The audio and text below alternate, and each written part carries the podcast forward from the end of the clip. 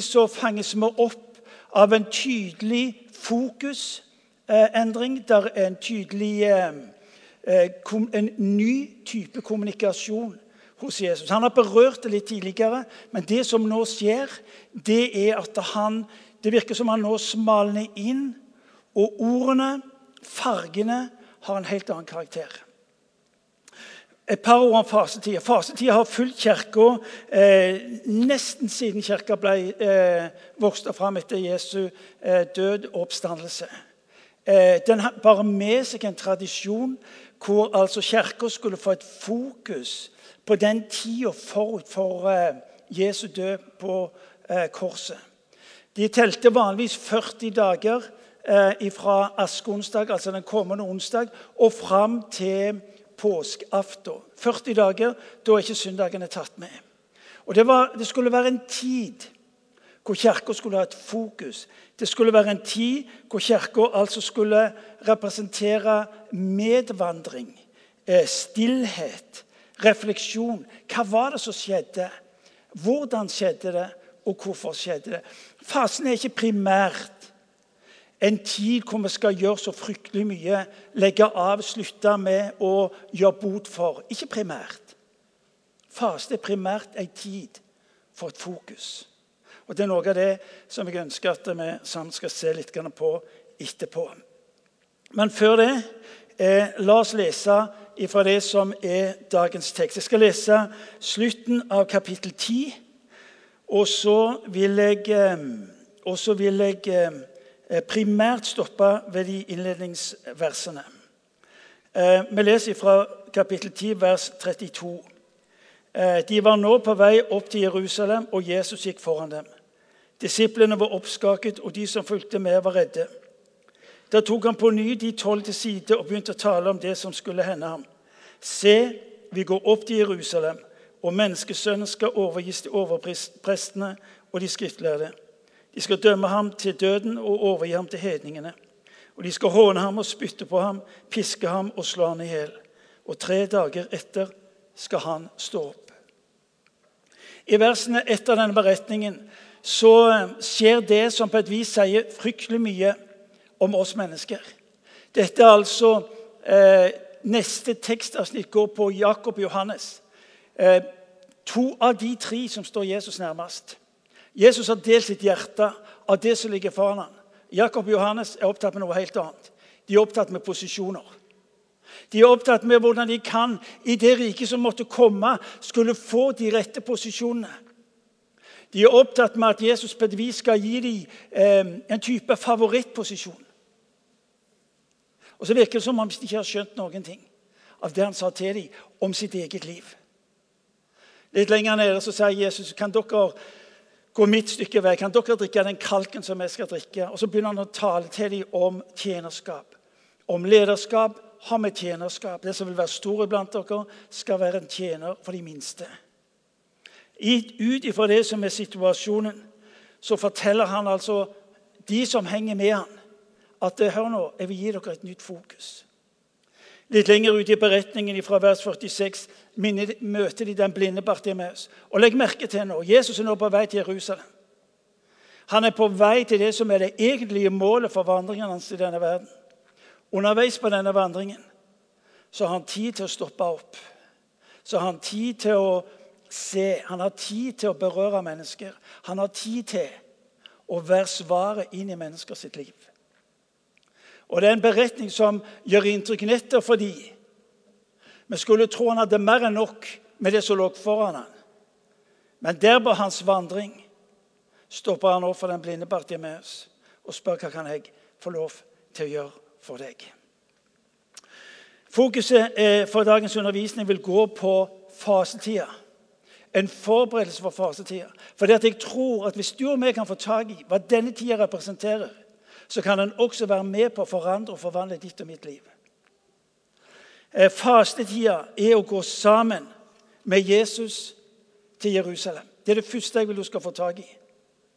Fasetida er ikke primært en hel masse ting du skal gjøre. ikke gjøre. Fasetida er primært å gå sammen med Jesus. Jesus sier til disiplene sine la oss gå opp til Jerusalem. Disiplene visste at i det øyeblikket det ble retningen og fokus. I det øyeblikket så visste de også at noe dramatisk lå foran dem. Derfor var de redde. Derfor var de usikre. Derfor visste de ikke hva de skulle gjøre for noe. Fastetida er å gå med Jesus opp til Jerusalem. Det er å gi mer plass for å se, for å lære, for å forstå. Fastetida er primært å se og forstå. Det fortelles at når Johannes eh, kom til den tomme graven, så står det at han så, og så forsto han.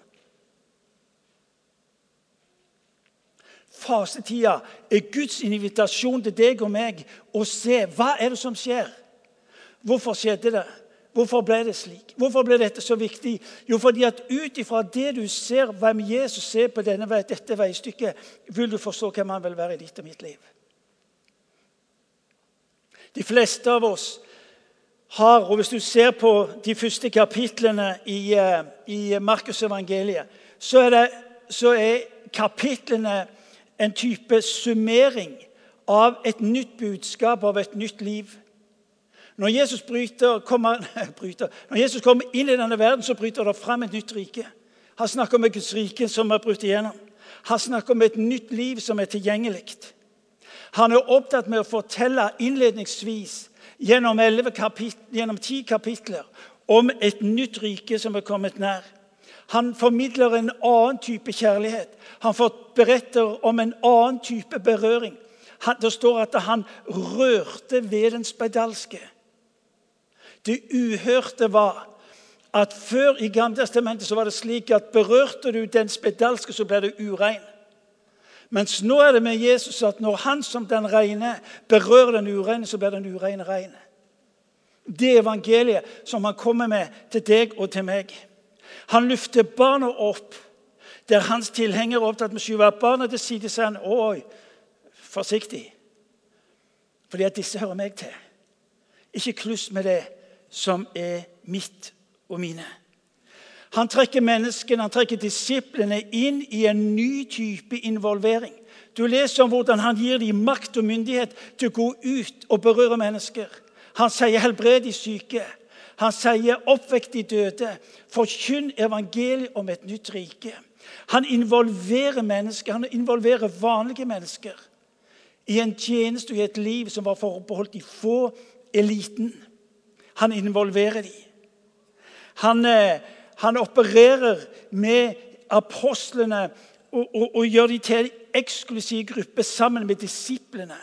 Plutselig så får apostlene et, et, perspektiv av at de er eksklusive sammen med alle de andre. Underveis så får de nye bilder, nye erfaringer. Under skjer, tegn og mirakler. Og livet deres er som på et type høydepunkt. Og så skjer det noe. Og så er vi i teksten som vi starta. På vei opp til Jerusalem sier han til dem, la oss dra opp til Jerusalem. Fra det positive, fra det såkalt livsforvandlende, gjennom ti kapitler, så er det noe som skjer. Og ord om smerte, om død og oppstandelse. Og disiplene skjønner ingenting. Fasetid er å være nær smerte. Fastetid er å være nær for å få kjennskap til hans lidelser. Fastetid er å på hvem Jesus er, og hvem han vil være i ditt og mitt liv. Hør nå, Fasetida setter fokus. Fasetida setter fokus på Jesus' strid og hva den betyr for deg og for meg. Han overtar vår strid og dermed våre nederlag. Vi får stige inn i hans strid, og dermed får hans seier. La meg få lov til å gjenta det. Fasetid er ikke primært hva du skal si nei til, men hva du skal si ja til.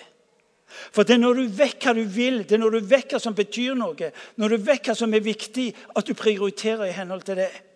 Hvis du og meg med våre liv skal prioritere i henhold til det vi skal si nei til, da blir livet angst. Da blir det smalt. Da er det frykten som styrer oss. Fasetida er ei tid hvor du primært skal få lov til å si ja. For det er når du vet hva du vil, når du forstår hva som er viktig, og hva du ønsker å se skje, at det er lettere for deg å si nei. elleve kapitler, ti kapitler ligger forut. Vet du hva? De ti kapitlene var ikke de viktigste ved Jesu liv. Når Jesus kommer inn i denne verden, så kommer han for å dø primært. Alt annet er bonus. De første ti kapitlene som vi nå har vært igjennom siden i høst, har vært en foregripelse av det som Jesus nå sier. For det som skjer i Jerusalem, konsekvensen av det, det er det dere nå har erfart. Det som skal skje i Jerusalem, det er det eh, som dere nå har fått en smakebit på, som dere har erfart av mitt nærvær og av min nåde. Å gå opp til Jerusalem for å dø. Og Jesus fremtrer på en ny måte med et nytt innhold og med en ny retning. Noe av det som er viktig for deg å få tak i, det er at Jesus velger dette. Menneskesønnen har kommet seg. Vi må stå opp og vi går til Jerusalem. Det er ikke ondskapen som har overtatt og nå har kontrollen. Det er Jesus som sier nå er tida inne til å gjøre det jeg egentlig kom for å gjøre. Jesus kom til denne verden med ett sikte. Det var å ta menneskets plass, menneskets straff, og ved det rekke mennesket frihet og frelse. Nå handler det ikke lenger om det han skal gjøre der ute. Nå handler det ikke lenger om eh, å se Guds rikets nedslag. Nå handler det i tida som ligger foran disiplene, om Jesus og det som skjer med han. Denne vandringen tar oss inn i et møte med to synes jeg, unike bilder. På den ene sida menneskets unike, eh, fortvilte situasjon nemlig syndens konsekvens. Men også et møte med Guds mektige kjærlighet. For det er når du ser hans kjærlighet slik den uttrykkes på korset, at du skjønner hvorfor han elsker som han gjør. Det, det er feil sagt, og likevel er det poeng. Hvis du og meg lever utelukkende på hans gaver, så er det gavene vi styrer vårt liv etter. Men hvis ditt liv og mitt liv styres etter det du oppdager av offeret i hans hjerte, da skjønner du at han elsker som han gjør. Du kan miste det andre, men mister du hans kjærlighet, så mister du selve livet. Fasetida er ei tid hvor du og meg tas inn på en vandring. par streker for at du skal få perspektivet. Mennesket var skapt for å leve med Gud. Mennesket valgte å vende Gud ryggen. Synd er ikke primært der du gjør, men der du har valgt å plassere deg.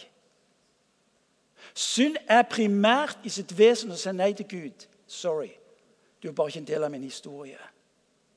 Alt andre er konsekvenser. Og Vi har gjort det, så, av det så gysla krøkkete fordi vi har gjort spørsmål om, om synd en hel masse ting vi gjør. Synd er primært å holde Gud ute fra livet mitt. Ja, men jeg ikke verre. Og så begynner du med disse gyselige regnestykkene. Synd er å si nei takk, Gud. Du er bare ikke en del av mitt liv. Synd er primært å avvise Gud som, som herre i livet. Der vi var skapt for å ha fellesskap med Gud, valgte vi Gud ut av livet. Det var syndens konsekvenser. Og så kan du se på denne verden, og så er jeg ikke sikker vi skal undre så mye over at verden ser ut som den gjør. Det interessante er at 700 år før Jesus kom inn i denne verden, så lyder det et profeti fra profeten Jesajas. Syns det er fascinerende. Jesajas 53.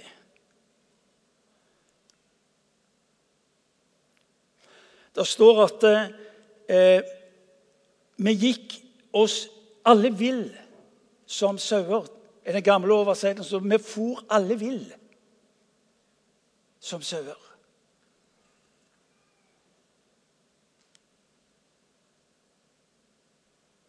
Synd er å velge Gud ut av livet sitt.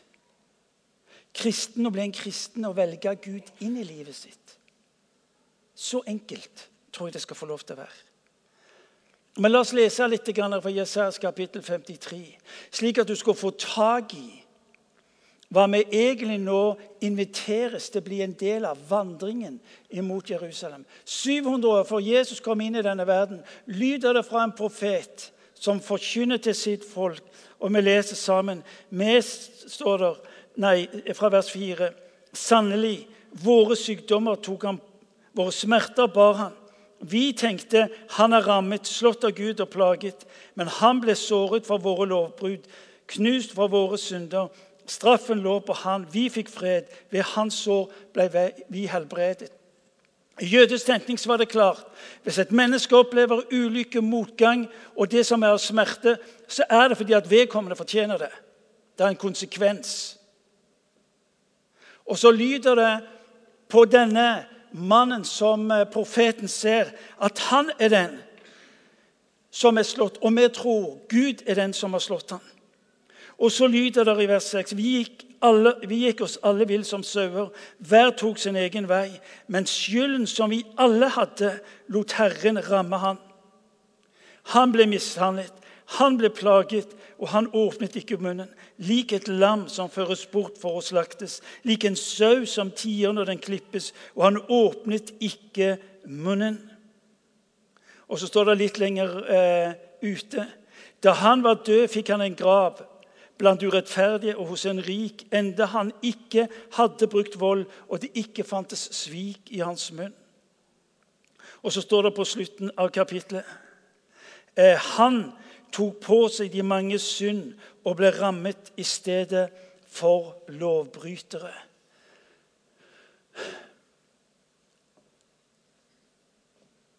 Gud den allmektige tar altså synderens plass. Den profeten ser, er altså Messias, menneskesønnen. Det, den lovede. Og så leser vi hvordan, som det står, han tok på seg de manges synd. Alt treffer han. Alt treffer han. I teksten så leser vi om den fysiske lidelse. Eh, I samtale med disiplene etterpå så snakker han om å tømme begeret, vredens beger. Da er det snakk om innholdet. Én ting å skulle dø for de rettferdige, de gode, de snille. Noe annet å skulle dø for de som ikke fortjener det. Noe annet å skulle ta plassen for de som fortjener dommen. Det står at han ble gjort til synd. Du skal møte en del av denne eh, undervisningen utover mot påsken. Men det ufattelige er i begrepet han ble gjort til Han ble selve inkarnasjonen på synd. Og Hvis du og meg mister det bildet av Jesus, vet du hva? så blir han egentlig bare en automat som gir oss det vi trenger for ulike behov. Det er ufattelig at den reneste framfor det som er av renhet, ble til det mest kvalmende, forsøplede, syndfulle, eh, motbydelige du kan tenke deg. Og det han sier, det er 'Dette er meg'. Når Jesus dør på korset, så sier han ikke 'dette er dere', han sier 'dette er meg'. Så høyt elsker han. Så høyt elsker han. Det var som om han skulle plassere seg på en stol, og alt det som var av sykdom i denne verden, ble altså eh, sprøyta inn i kroppen hans. Og han tar det, fanger det opp og sier 'Dette er mitt'.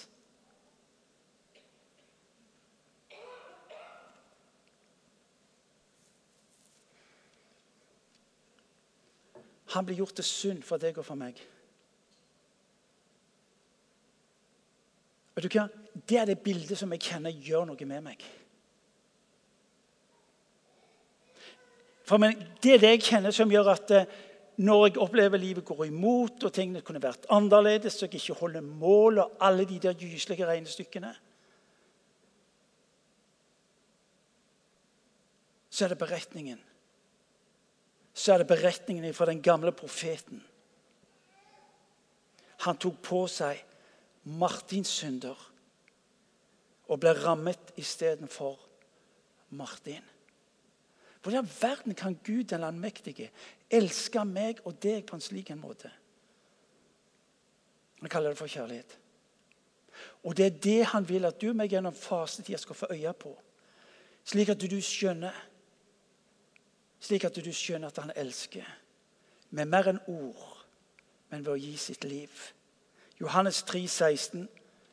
For så høyt har Gud elska verden. Da døperen Johannes ser Jesus første gang, så sier han se der Guds lam som bærer verdens synd. programerklæring på Jesus sitt liv. Og så sier Jesus, for så høyt har Gud Fader elska denne verden, at det ikke skal gå fortapt. Syndens konsekvenser er fortapt. Syndens konsekvenser er utgangen av fortapthet. For så høyt har Gud elska verden. Det Jesus er opptatt med nå, det er å ta disiplene med opp til Jerusalem for at de skal se for at de skal forstå. Og ut ifra det handle. Derfor så blir fasetida så viktig. folkens. Derfor så blir det så viktig for oss å våge den vandringen med han, slik at vi skjønner hva vi er en del av. Hva skjer påske? Hva skjer påske? Du og Jesus bytter plass.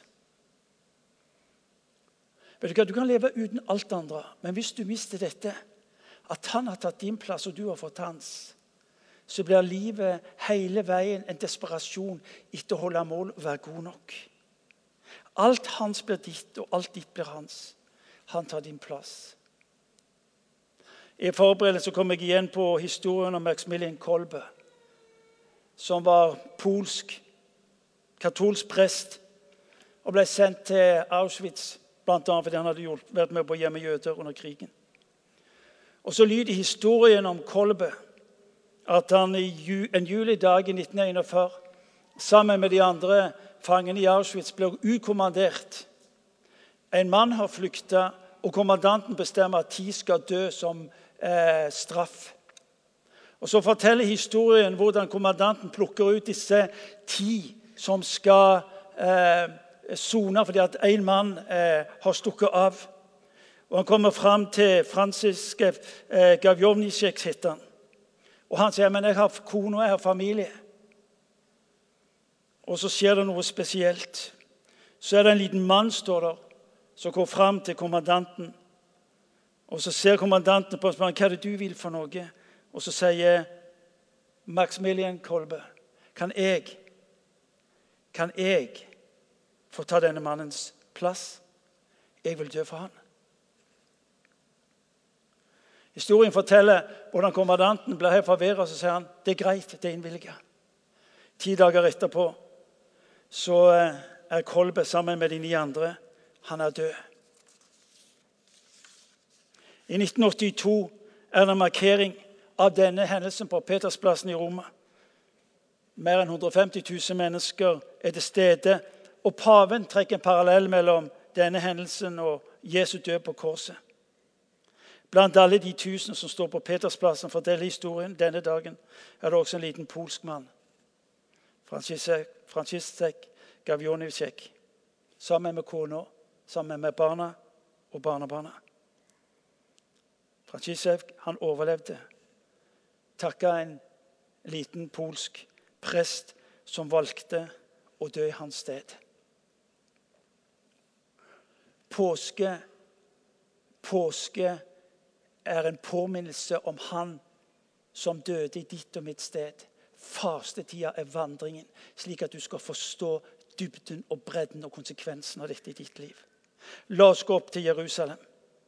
Vandringen som gir meg å se hva Jesus har gjort for meg. Ikke bare hva han tilbyr, ikke bare hva han ordner opp i, men dette at Jesus døde for syndere og ikke angrer at han gjorde det.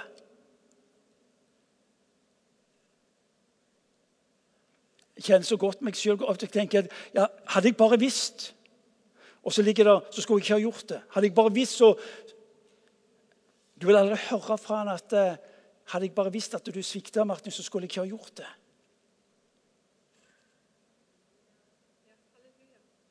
Jesus døde for syndere. Hør nå det. Han døde for deg og for meg. Det er det som skal gi deg en vanvittig frimodighet. Vi synger den gamle sangen 'Han visste alt om meg før han meg kalte'.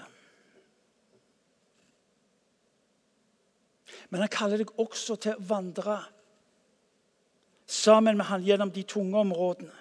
Familien, arbeidsplassen og andre steder i verden. Når du og meg våger denne vandringen, spesielle vandringen, så skjer det noe med deg. Det er de nye bildene. Det er de nye ordene. Og så er det de nye handlingene.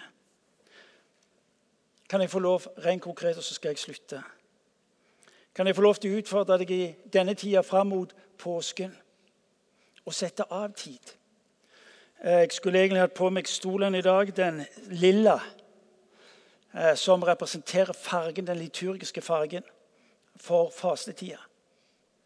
Men når du kunne funnet frem enten det var en liten lilla duk eller lilla serviett, og så, og så legger du rent konkret bare Bibelen på bordet gjennom disse dagene, disse ukene.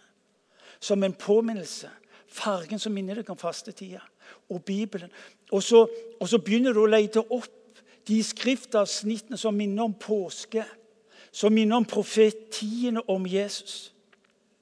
Og så når dere kommer i cellegrupper eller på gudstjenester, så, så vil du være der du, for, fordi du ønsker å være sammen med familien i denne tida. Fordi den minner så sterkt både om hva én gjorde, og hvilke konsekvenser det hadde for de mange.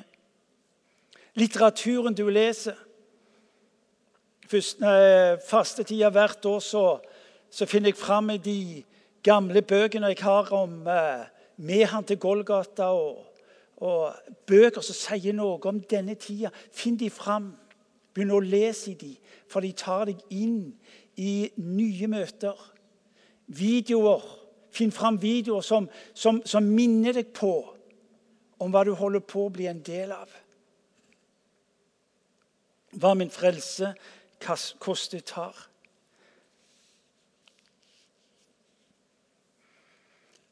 Og så er min bønn for deg og for meg at fasetida også skal få lov til å gi oss en ny måte å leve livet på i denne verden. For hør nå. Det er ditt bilde av Jesus, hvem han er og hva han har gjort for deg, som vil avgjøre din frimodighet overfor han og overfor andre mennesker i denne verden. Det er når du, for, det er når du ser hva din frelse koster har, at du også forstår Jesu kjærlighet hvem han er, og, han ønsker, og, og hvem han ønsker å være i ditt og i mitt liv. Kan vi reise oss, og så vil vi be en bønn sammen?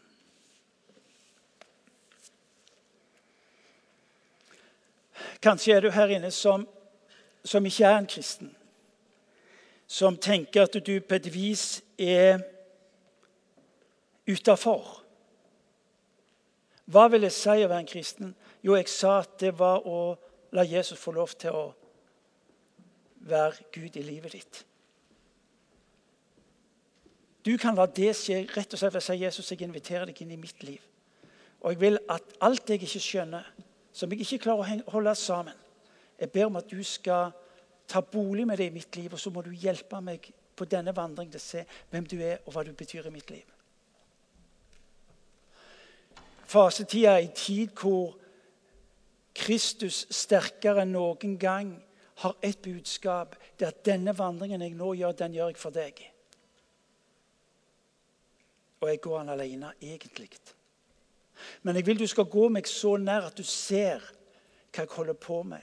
For ved det få frimodighet til å våge det jeg har kalt deg til å være i denne verden.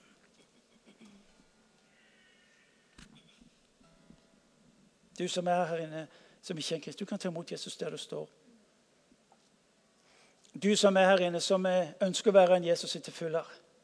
La fasetida få lov til å være ei sånn ei tid hvor du bokstavelig talt ruller ut den lilla løperen og, og bestemmer deg for vet du hva, jeg vil, jeg vil disse dagene så vil jeg gå sammen med deg, Jesus. Og så vil jeg se, og så vil jeg forstå, og så vil jeg handle i henhold til det. Og ditt liv vil forandres. Rett og slett ved at det du ser, forvandler. La oss be. Kjære Herre Jesus Kristus, vi takker deg fordi du kommer oss i møte. Kjære Herre Jesus Kristus, vi takker deg fordi at du dør på et kors for de som ikke fortjener det. Vi takker deg, Jesus Kristus, fordi at når du kommer inn i denne verden, så kommer du for å handle på en slik en måte at håpet tennes, at nåden er tilgjengelig, at liv og fellesskap med deg det er det som skal få lov til å være vår naturlige plass. Herre. Jeg ber for oss som er her i dette rommet nå, Herre. Far, vil du ta oss med på denne vandringen opp til Jerusalem, slik at vi skjønner, slik at vi ser, Herre, slik at vi omfavner dette veldige. At du, Gud, ble menneske for at mennesket skulle få lov til å bli barn igjen. For vi ber i ditt navn, og vi takker deg, Gud. Amen.